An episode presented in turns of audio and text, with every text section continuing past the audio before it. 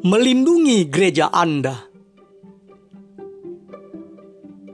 Shalom mitra produktif. Jumpa lagi dengan saya, Pastor Tommy Ringo, di Tahta Daud Channel dan podcast produktif dalam program 50 episode kehidupan yang dikendalikan oleh tujuan yang alkitabiah. Untuk apa kita ada di dunia ini? Episode 21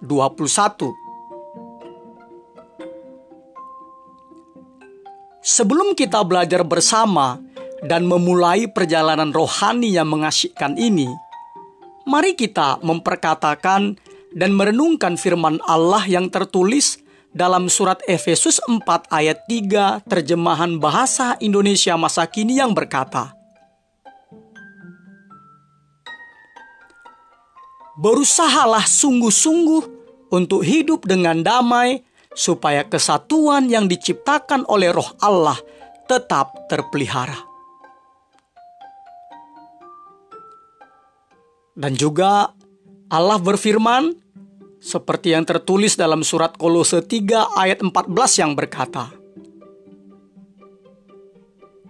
Dan di atas semuanya itu, kenakanlah kasih sebagai pengikat yang mempersatukan dan menyempurnakan. Dari ayat tersebut kita diingatkan bahwa kesatuan yang diciptakan oleh Roh Allah dalam gereja menjadi tugas Anda untuk melindungi dan memeliharanya. Sekali lagi saya katakan, kesatuan yang diciptakan oleh Roh Allah dalam gereja menjadi tugas Anda untuk melindungi dan memeliharanya. Pada episode 17 sebelumnya telah dijelaskan bahwa yang dimaksud dengan gereja adalah suatu tubuh bukan gedung bangunan, suatu organisme, bukan organisasi. Juga gereja adalah rencana Allah bagi dunia. Dalam Injil Matius 16 ayat 18 Yesus berkata, "Aku akan mendirikan jemaatku." Nah, dalam bahasa Inggrisnya digunakan kata my church, gerejaku. Dan alam maut tidak akan menguasainya. Ini berarti gereja tidak dapat dihancurkan dan akan selalu ada sampai selama-lamanya. Gereja akan memiliki kehidupan yang lebih lebih lama dari alam semesta. Begitu juga dengan peran Anda di dalamnya. Bahkan karena gereja itu begitu penting, Yesus mati di kayu salib untuknya. Seperti yang tertulis dalam Efesus 5 ayat 21. Kristus telah mengasihi jemaat. Dalam bahasa Inggris jemaat di situ diterjemahkan dari kata church yang telah menyerahkan dirinya baginya.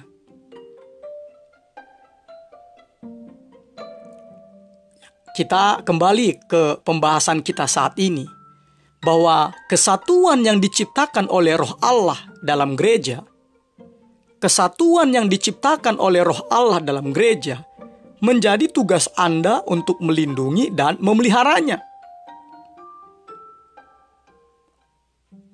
Kesatuan di dalam gereja begitu penting, sehingga Alkitab Perjanjian Baru memberikan lebih banyak perhatian pada kesatuan dibandingkan pada sorga ataupun neraka. Allah sangat menginginkan agar kita mengalami kesatuan dan keharmonisan satu sama lain. Kesatuan adalah jiwa dari persekutuan. Jika kesatuan dihancurkan, maka Anda berarti menarik jantung keluar dari tubuh Kristus. Kesatuan merupakan hakikat esensi, inti dari maksud Allah agar kita mengalami kehidupan bersama di dalam gerejanya. Allah sendiri adalah contoh teladan tertinggi dari kasih yang penuh pengorbanan. yang dengan rendah hati mementingkan orang lain, bahkan memberikan nyawanya.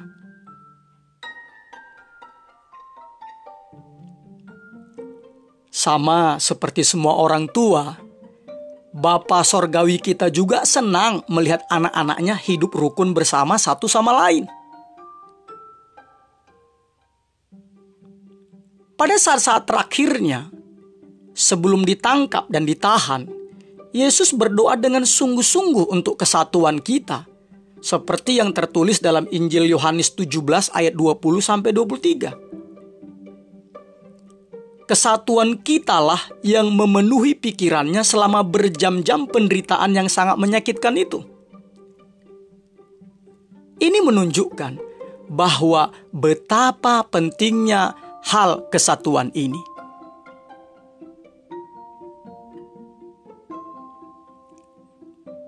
Tidak ada apa pun di bumi ini yang lebih penting bagi Allah selain gerejanya. Dia telah membayar harga tertinggi untuk gerejanya, dan Dia ingin agar gerejanya terlindungi, khususnya dari kerusakan parah yang disebabkan oleh perpecahan, konflik, dan ketidakharmonisan. Jika Anda adalah bagian dari anggota keluarga Allah, menjadi tanggung jawab Anda untuk memelihara dan melindungi kesatuan di tempat Anda bersekutu. Anda ditugaskan oleh Yesus Kristus untuk melakukan apa pun yang mungkin untuk menjaga kesatuan, melindungi persatuan, dan mengusahakan keharmonisan dalam keluarga gereja Anda dan di antara semua orang percaya lainnya. Alkitab dalam surat Efesus 4 ayat 3 terjemahan bahasa Indonesia masa kini berkata, Berusahalah sungguh-sungguh untuk hidup dengan damai supaya kesatuan yang diciptakan oleh Allah tetap terpelihara. Mitra produktif, bagaimanakah kita harus melakukannya? Alkitab memberi kita nasihat praktis sebagai berikut.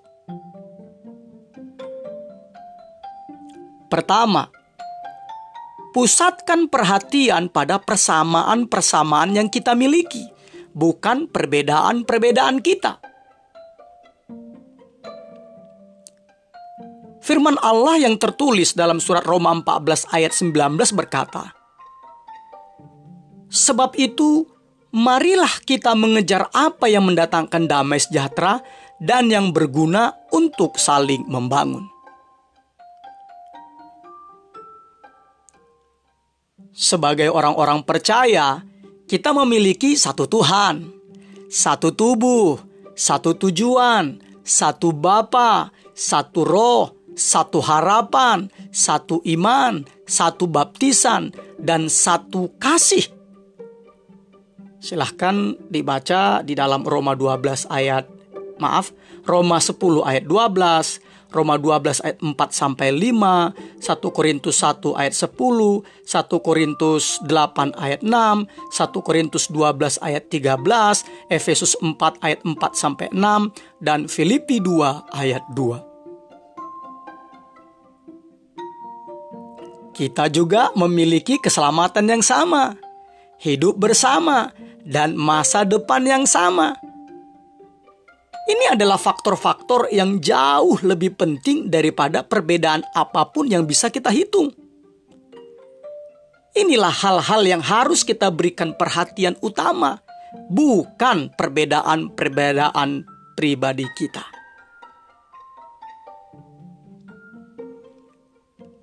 Mitra produktif, ingatlah bahwa Allah lah yang memilih dan memberikan kita kepribadian, latar berak, latar belakang, ras dan pilihan prioritas yang berbeda. Jadi, kita seharusnya menghargai dan menikmati perbedaan-perbedaan tersebut, bukan hanya mentoleransinya. Allah menghendaki kesatuan, bukan keseragaman. Tetapi demi kesatuan, kita tidak boleh menjadikan perbedaan-perbedaan itu memecah belah kita. Kita harus tetap mengutamakan apa yang paling penting, yaitu belajar mengasihi satu sama lain seperti Kristus telah mengasihi kita dan menikmati atau menggenapi kelima tujuan Allah untuk kita masing-masing dan gerejanya.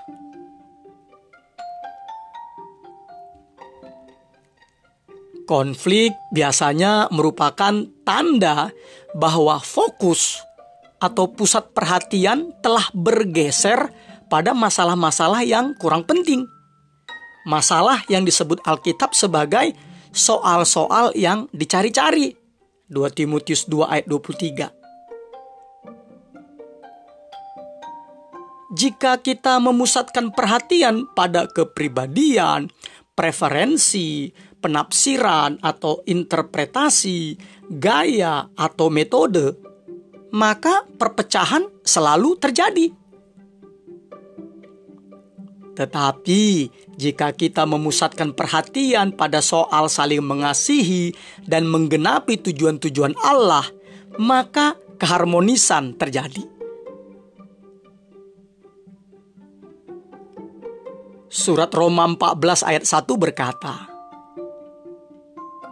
terimalah orang yang lemah imannya tanpa mempercakapkan pendapatnya. Juga surat 1 Korintus 1 ayat 10 menyatakan, Tetapi aku menasihatkan kamu, saudara-saudara, demi nama Tuhan kita Yesus Kristus, supaya kamu seia sekata dan jangan ada perpecahan di antara kamu, tetapi sebaliknya supaya kamu erat bersatu dan sehati berpikir.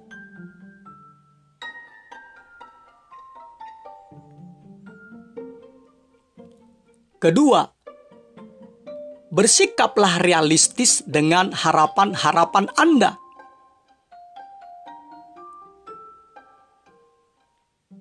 Begitu Anda mengetahui apa yang Allah maksudkan dengan persekutuan yang sejati, maka Anda akan sangat mudah untuk menjadi patah semangat karena adanya jurang antara yang ideal, apa yang Anda harapkan, dengan yang nyata, kenyataan yang Anda alami di dalam gereja Anda. Namun, kita harus bersungguh-sungguh mengasihi gereja, sekalipun kita mengetahui ada ketidaksempurnaan di dalamnya. Menginginkan yang ideal sementara mengkritik yang nyata adalah bukti dari ketidakdewasaan. Sebaliknya, menerima yang nyata tanpa berusaha mencapai yang ideal adalah kemalasan. Kedewasaan adalah beradaptasi, menyesuaikan diri dengan ketegangan yang terjadi.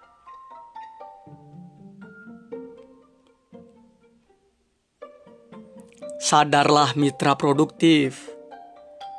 Orang-orang percaya lainnya akan mengecewakan dan mematahkan semangat Anda.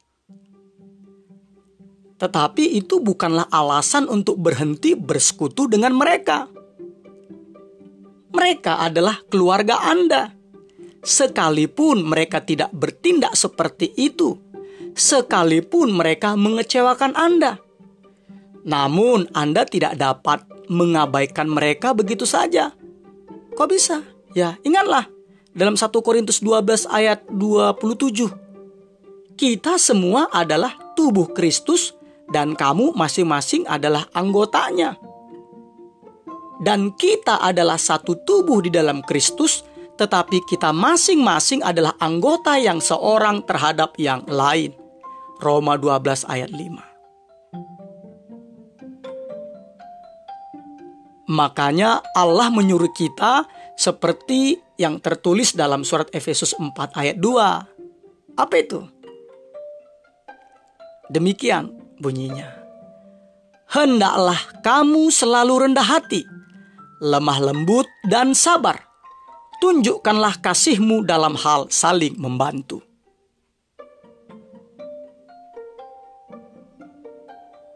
Ada banyak alasan mengapa orang-orang menjadi kecewa terhadap gereja. Daftarnya bisa panjang. Ada konflik, luka hati, kemunafikan, kurang diperhatikan, berpikiran sempit, pilih kasih, legalisme, dan dosa-dosa lainnya. Sebenarnya, mitra produktif, kita tidak perlu terkejut, tetapi kita harus ingat bahwa gereja memang terdiri dari orang-orang berdosa, termasuk diri kita sendiri.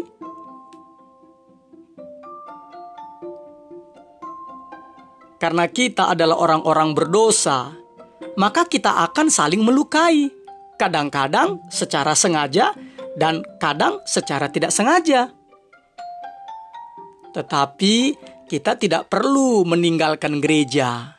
Kita perlu tinggal dan menyelesaikan persoalannya jika memungkinkan. Rekonsiliasi bukan melarikan diri, adalah jalan menuju karakter yang lebih kuat dan persekutuan yang lebih dalam. Ingatlah firman Allah yang tertulis dalam kitab Amsal 27 ayat 17 yang berkata, Besi menajamkan besi, orang menajamkan sesamanya. Anda menjadi tajam, berdaya guna ketika Anda merespon setiap masalah dan konflik dengan benar.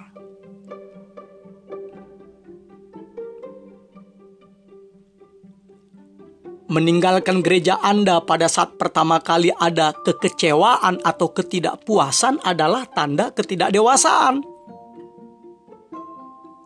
Ada hal-hal yang ingin Allah ajarkan kepada Anda dan orang lain juga. Di samping itu, tidak ada gereja yang sempurna untuk didatangi. Setiap gereja memiliki kelemahan dan masalahnya sendiri. Anda pasti akan kecewa lagi.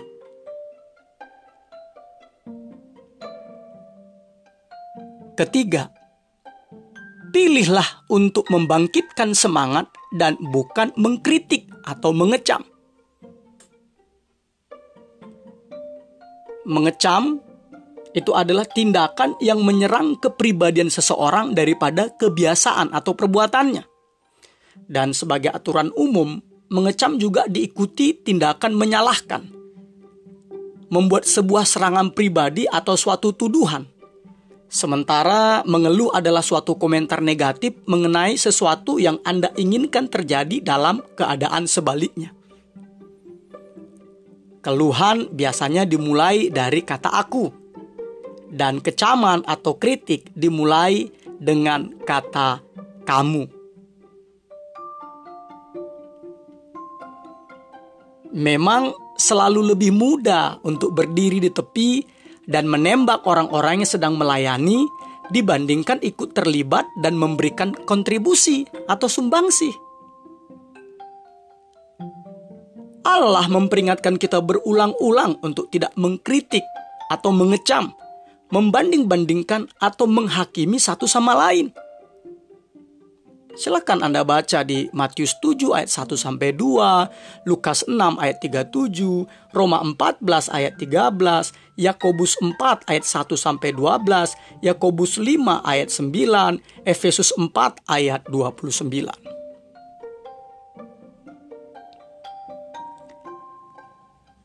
Jika Anda mengkritik apa yang dilakukan oleh orang percaya lain dengan iman dan keyakinan yang tulus, berarti Anda sedang ikut campur dalam urusan Allah.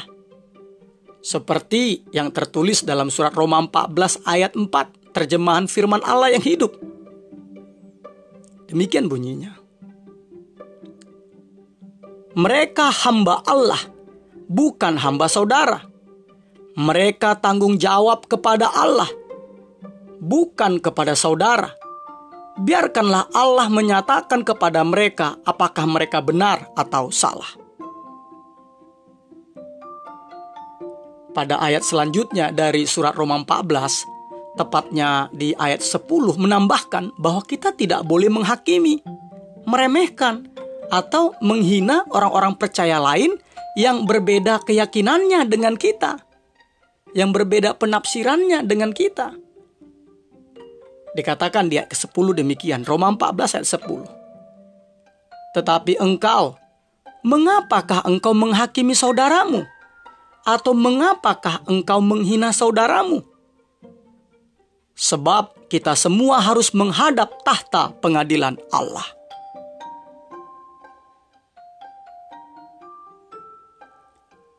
Setiap kali saya menghakimi orang percaya lainnya, empat hal akan segera terjadi. Saya akan kehilangan persekutuan dengan Allah.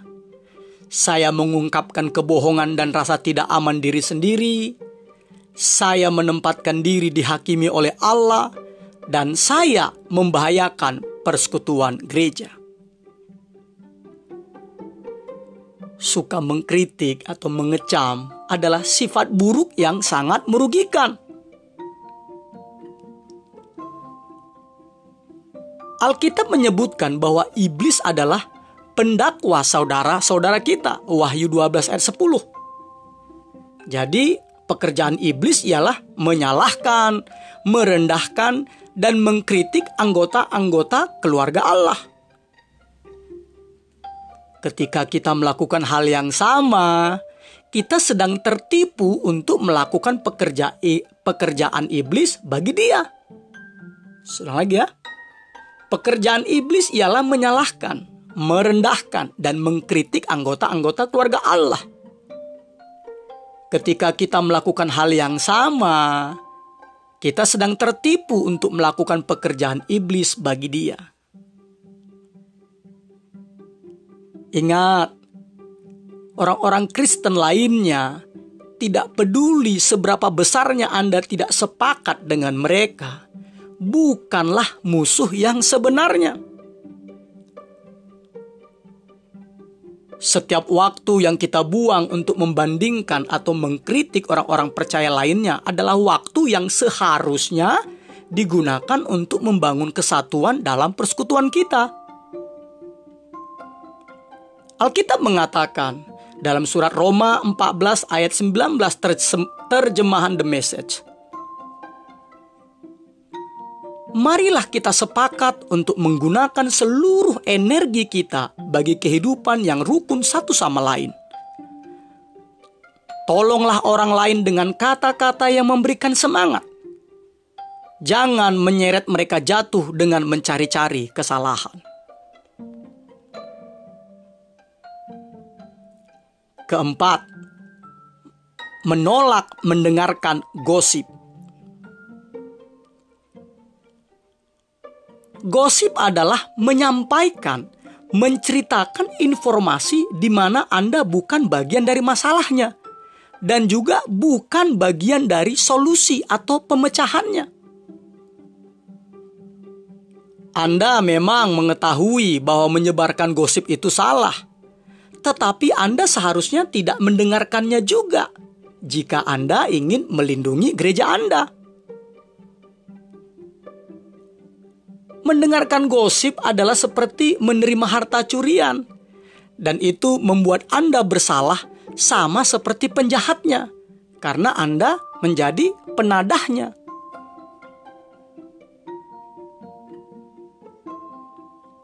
Pada saat seseorang mulai bergosip kepada Anda, milikilah keberanian untuk berkata, "Tolong hentikan, Bro.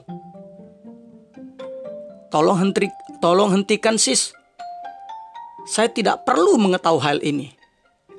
Sudahkah Anda berbicara langsung kepada orang tersebut? Orang-orang yang bergosip kepada Anda juga akan bergosip tentang Anda. Mereka tidak dapat dipercaya.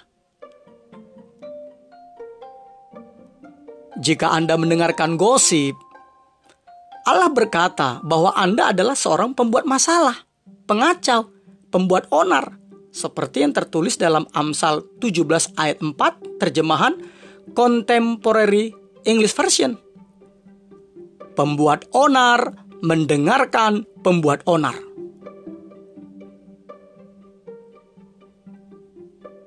Surat Yudas 1 ayat 19 mengatakan, mereka adalah pemecah belah yang dikuasai hanya oleh keinginan-keinginan dunia ini dan yang hidup tanpa Roh Kudus.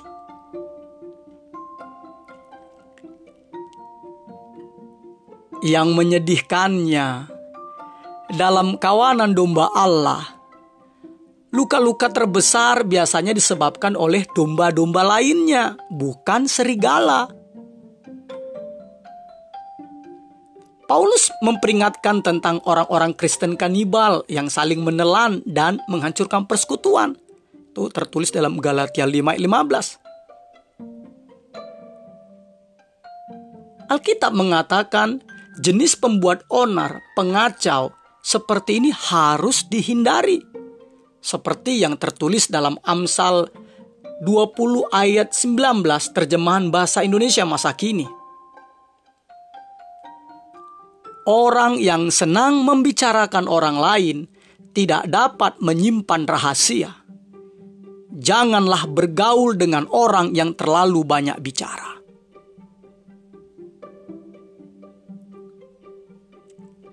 Cara tercepat untuk mengakhiri sebuah konflik di gereja atau di dalam kelompok kecil adalah dengan penuh kasih menghadapi mereka yang bergosip dan memerintahkan mereka untuk menghentikannya.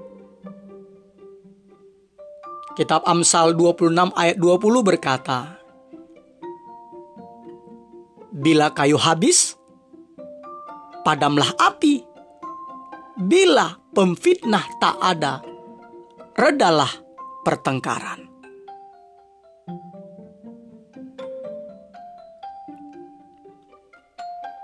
Kelima,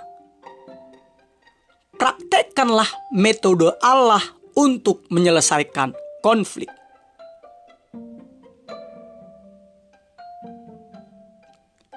Di samping prinsip-prinsip yang telah disebutkan di episode 20 yang lalu, Yesus memberikan kepada gereja proses tiga langkah yang sederhana, seperti yang tertulis dalam Injil Matius 18 ayat 15 sampai 17a, yang berkata demikian. Apabila saudaramu berbuat dosa, tegurlah dia di bawah empat mata jika ia mendengarkan nasihatmu, engkau telah mendapatkannya kembali. Jika ia tidak mendengarkan engkau, bawalah seorang atau dua orang lagi, supaya atas keterangan dua atau tiga orang saksi, perkara itu tidak disangsikan. Jika ia tidak mau mendengarkan mereka, sampaikanlah soalnya kepada jemaat.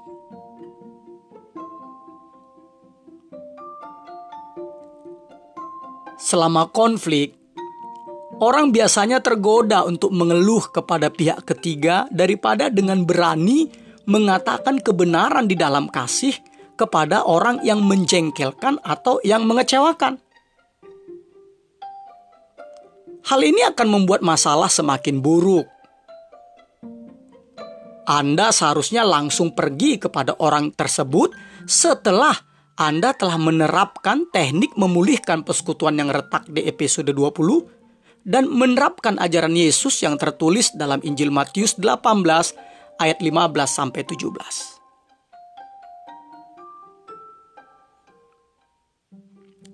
Konfrontasi pribadi selalu merupakan langkah pertama dan Anda seharusnya melakukannya sesegera mungkin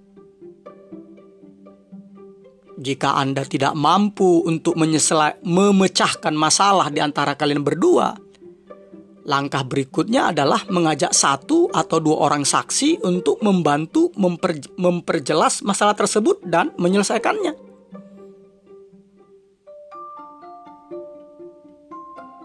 Tapi, apa yang harus Anda kerjakan? Apa yang harus Anda lakukan jika orang itu masih keras kepala? Yesus mengatakannya untuk membawa soal itu kepada jemaat. Nah, jika orang tersebut tetap menolak untuk mendengarkan, Anda perlu memperlakukan orang tersebut sebagai orang yang belum percaya, tapi bukan sebagai musuh.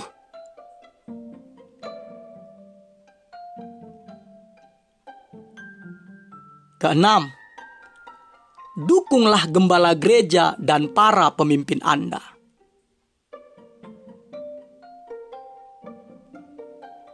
Tidak ada pemimpin yang sempurna, tetapi Allah memberikan kepada mereka tanggung jawab dan otoritas untuk melindungi dan memelihara kesatuan gereja. Pada waktu konflik antar pribadi terjadi, itu adalah tugas gembala yang tidak dihargai. Karena kalau kita katakan kepada si A, dikira kita membela si B. Ketika kita datangi si B untuk ber, berrekonsiliasi dengan si A, kita nanti dikatain membela si si A. Jadi memang ini adalah tugas yang yang benar-benar tugas gembala yang tidak dihargai. Para gembala gereja sering kali memiliki tugas yang tidak menyenangkan untuk melayani sebagai apa? Sebagai penegah, penengah, mediator antara anggota-anggota yang perasaannya terluka, berseteru atau berkonflik, atau anggota-anggota yang belum dewasa.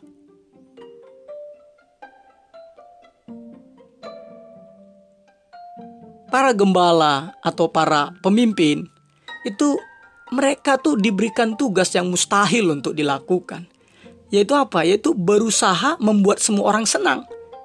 Yang Yesus pun tidak dapat melakukannya.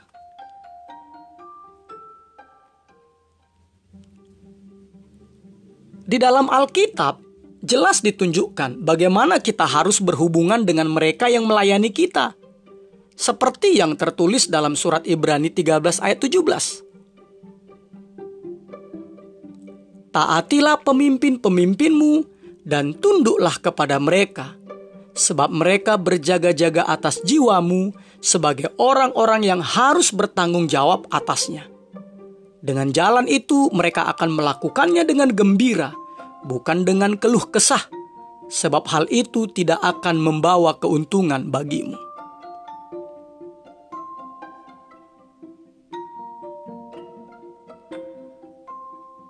Suatu hari nanti, para gembala gereja akan ber, berdiri di hadapan Allah dan mempertanggungjawabkan seberapa baiknya mereka menjaga Anda. Seperti tadi di dalam Ibrani 13 ayat 17 yang dikatakan, mereka berjaga-jaga atas jiwamu sebagai orang-orang yang harus bertanggung jawab atasnya. Tetapi Anda juga bertanggung jawab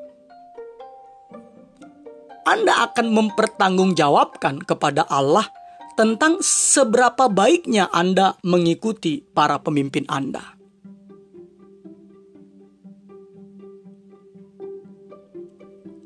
Alkitab memberikan kepada para gembala gereja instruksi atau petunjuk yang sangat spesifik tentang bagaimana menghadapi para pemecah belah dalam persekutuan.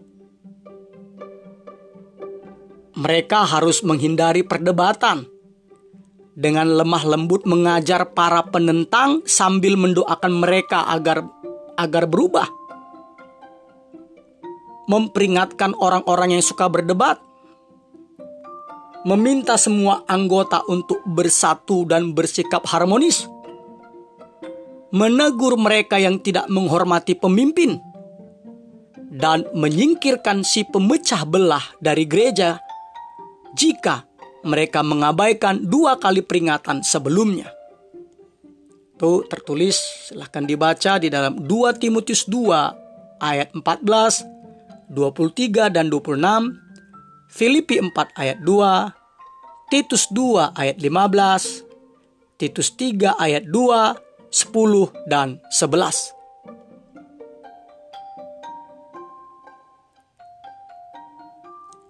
Kita melindungi persekutuan bila kita menghormati mereka yang melayani kita dengan memimpin.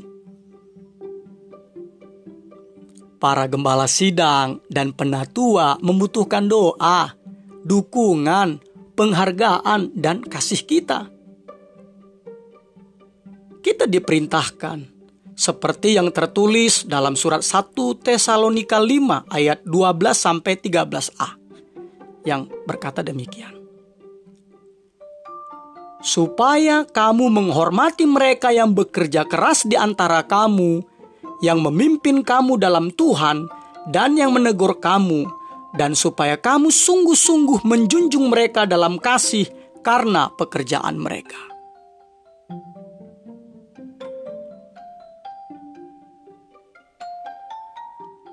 Mitra produktif, saya menantang Anda untuk menerima tanggung jawab melindungi dan mendorong kesatuan di gereja Anda. Berusahalah sekeras mungkin, dan Allah akan disenangkan. Hal tersebut memang tidaklah mudah. Kadang-kadang Anda harus melakukan apa yang terbaik bagi gereja bukan diri sendiri dengan menunjukkan perhatian kepada orang lain. Inilah satu alasan mengapa Allah menempatkan kita di dalam sebuah keluarga gereja, yaitu untuk belajar tidak mementingkan diri sendiri. Dalam komunitas, kita belajar mengatakan "kita", bukan "saya" dan milik kita, bukan milik saya. Allah berfirman dalam surat 1 Korintus 10 ayat 24 yang berkata demikian. Jangan seorang pun yang mencari keuntungannya sendiri, tetapi hendaklah tiap-tiap orang mencari keuntungan orang lain.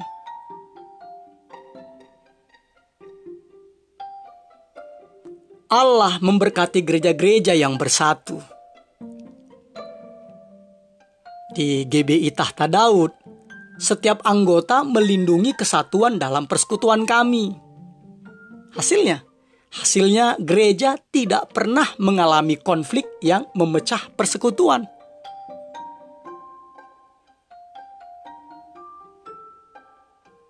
Mitra produktif, Apakah yang harus Anda lakukan secara pribadi untuk menjadikan keluarga gereja Anda lebih hangat dan penuh kasih?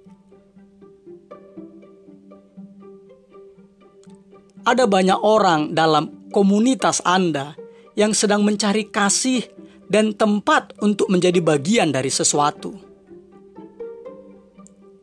Sebenarnya, setiap orang butuh dan ingin dikasihi. Dan ketika orang-orang menemukan sebuah gereja di mana para anggotanya dengan tulus saling mengasihi dan saling memperhatikan, maka kerumunan orang banyak atau penuaian jiwa-jiwa terjadi. Haleluya. Itu dapat kita bandingkan dengan Lukas 17 ayat 37.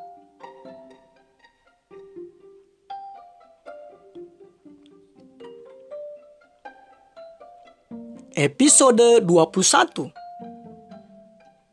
Berpikir dan merenungkan tujuan hidup saya. Nilai-nilai atau prinsip-prinsip yang harus kita pikirkan dan direnungkan. Melindungi dan memelihara kesatuan dalam gereja saya adalah tanggung jawab saya.